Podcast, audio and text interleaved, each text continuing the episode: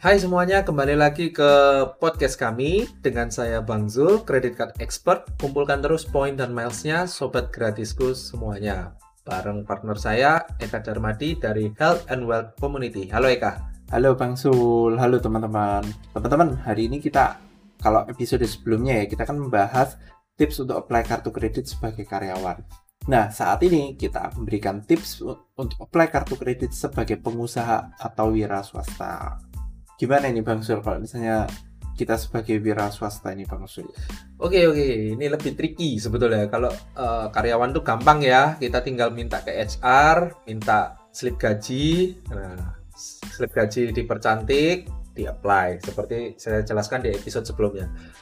Pengusaha, pengusaha ini luas Eka. Ada pengusaha yang sudah level sukses, punya perusahaan banyak, rekeningnya gemuk. Ada yang baru ngerintis toko, ya itu juga bisa disebut pengusaha ya, kayak ya. Ada Betul. freelancer. Betul, itu termasuk pengusaha. Juga pengusaha. Atau mungkin kayak teman saya ini Eka, Eka sendiri kan trader ya. Trader ini termasuk pengusaha loh. betul, betul. Eka nggak ada yang gaji ya kak ya, nggak ada. Uh, ya gajinya adalah cari trading uh, stok saham sama ini ya, stok sama itu ya kalau Eka ini ya.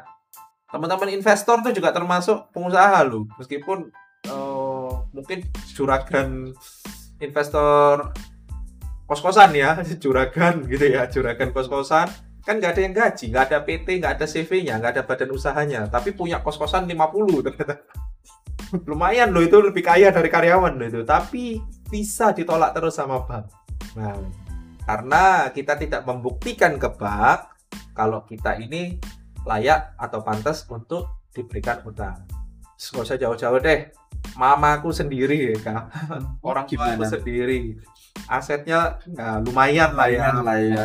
Karena ya kan lahir lebih dulu dari saya ya. Sudah mengumpulkan lebih banyak dari saya. Asetnya orang tua saya sendiri aja lebih banyak. Tapi bertahun-tahun dikasihnya cuma limit entry level terus loh ya kak. gitu ternyata ya memang karena saat ditanya data sama bank ya menulisnya hanya ibu rumah tangga ibu rumah gitu. tangga nah, hmm. padahal ya ternyata kan orang tua saya mengelola aset ya hmm. gitu loh nah, setelah saya approach dengan uh, tips-tips yang akan saya share sebentar lagi kira ya dapat lah ya seperti ya gitu Siap, siap. Gimana nih Bang Coba mungkin bisa di-sharekan ini. Oke, nomor tips-tipsnya. Nomor satu, saat tulis sebagai wira swasta, tulislah yang hal yang meyakinkan bank. Hmm. Laki-laki berikan yang bank mau, jangan yang kita punya. Hmm. Gitu. Nah, bank tuh maunya adalah ngasih ke nasabah yang meyakinkan, nasabah yang pasti bisa bayar balik utangnya. Betul. Nah, misalnya teman-teman pengusaha perusahaan perusahaannya apa? usahanya apa gitu coba deh kak salah satu apa misalnya saya punya bisnis penjual makanan misalnya misalnya ayam geprek misalnya ah oke okay, oke okay. Oke kalau untuk F&B ya. Iya F&B sebut jangan. Tulis warung ayam geprek gitu. Tulislah resto. Resto apa? nah, yang yang premium dikit lah gitu loh teman-teman. Toko misalnya toko bangunan. bangunan ya jualan genteng gitu misalnya ya hmm. toko bangunan. Tulis yang keren dong. Distributor genteng dan uh, bata ringan untuk area Jawa Timur dan Ma Bali. Wah, luar biasa kan tapi memang benar kan jualannya sampai memang betul Jawa jualan Timur. Jawa Timur. Nah, ya. Mungkin punya sampai ke Bali bisa ngirim juga bisa kan Bali bahan bangunan rata-rata dari Jawa ya. Nah, betul. Betul, meskipun sebagian dijual online. Ya, Tapi betul. kita harus tulis distributor atau supplier yang kata-kata yang cantik lah teman-teman gitu. Hmm, harus dipercantik gitu ya teman-teman ya. Yang paling patut di, paling diawasi itu toko online. Nah, itu paling nggak suka itu. Paling nggak suka itu Bang itu ya kalau toko online ya. Karena toko online kan kurang kredibel lah ya. Hmm. Terus kedua uh, apa namanya? freelancer. Nah, freelancer. itu Bang juga nggak suka nih freelancer. karena dirasa kayak in penghasilannya nggak pasti ya. Hmm, karena nggak pasti itu tadi. Artis. Nah itu juga kurang suka bang itu. Kecuali artis ternama gitu ya, ya kalau ya. sudah sudah jelas gitu. Nah kalau teman-teman artis pelukis yang belum punya nama kan bang bang kurang percaya ya. percaya. Ah, itu luar ya kecuali bisa dibuktikan dengan rekening yang gemuk Oke, fine aja. Fine. Udah pasti di approve kok kalau itu. Nggak usah pakai tips ini, sudah pasti teman-teman di approve. Nah, tapi ini kan kalau teman-teman yang masih rekeningnya belum belum gemuk supaya dapat kartu pertama gimana? Nah, itu tadi. Jadi pertama untuk pekerjaan, berikanlah pekerjaan-pekerjaan yang kredibel yang oh, bisa eh, mem- membuat membantu teman-teman tuh membuktikan bahwa teman-teman ini layak untuk diberikan hutang Hmm. itu nomor satu nomor dua. Eh, rata-rata pengusaha yang masih baru ini nggak bikin NPWP sih. Hmm. itu loh bikin lah. Teman bayar pajak lah? Nah itu karena membantu untuk dapat yang top tier. Kalau misalnya masih mau yang entry level atau mid tier ya bisa sih. Tapi ya eh, akhirnya cuma bisa level Level entry level. nggak bisa top tier. Nah ingat entry level dan mid tier berarti limitnya di bawah 50 juta sekarang bank-bank sudah mewajibkan kalau di atas 50 juta ada harus NPWP. harus ada NPWP Hmm. gitu Oke, siap siap. Eh, berikutnya ya Soal perizinan usaha misalnya kayak NIB, oke uh, uh, itu Itu- gimana? Uh, itu membantu nggak semua bank minta tapi Nggak kalau semua bank teman-teman ya? buktikan bahwa eh, perusahaannya di akte teman-teman ini adalah pe- pemilik saham sekian persen Hmm. NIB-nya juga kredibel nah, perusahaannya juga sudah berdiri lama wah itu membantu sih membantu. ya. sama seperti kayak tadi di episode sebelumnya kemarin saya pernah sebutkan kalau sudah kerja lama sekian tahun di sini nah sama juga di perusahaan kalau teman-teman sudah mendirikan perusahaan ini 10 tahun lalu dengan yang barusan tahun kemarin ya pasti beda dong penilaian bank Iya. Oke. eh berikutnya. Nah kalau di sebagai karyawan tuh bukalah di eh, bank yang mem- tempat teman-teman ini mendapatkan payroll. Nah kalau Kalau di sini usaha, uh, sama. Gunakanlah bank di mana teman-teman ini memakai eh, bank operasional usaha kalian. Untuk menerima pembayaran dari klien Iya, atau men- customer gitu menerima ya. pembayaran dan melakukan pembayaran karena Oke. transaksi cash flow itu mempengaruhi Mempengaruhi. Cash flow-nya teman-teman itu mempengaruhi mungkin dilihat nggak ada uang mengendap tapi kalau cash flow-nya berputar terus artinya kan ada, Ada kehidupan ada ya. kehidupan di rekening ini gitu loh ya rapikanlah rekening teman-teman cantik lakukan ada transaksi rutin Mm-mm. itu membuktikan teman-teman memang beneran berbisnis Beneran. beneran berusaha pengusaha nah itu mempengaruhi ya buat di rekening eh, di bank yang tempat teman-teman berusaha Mm-mm.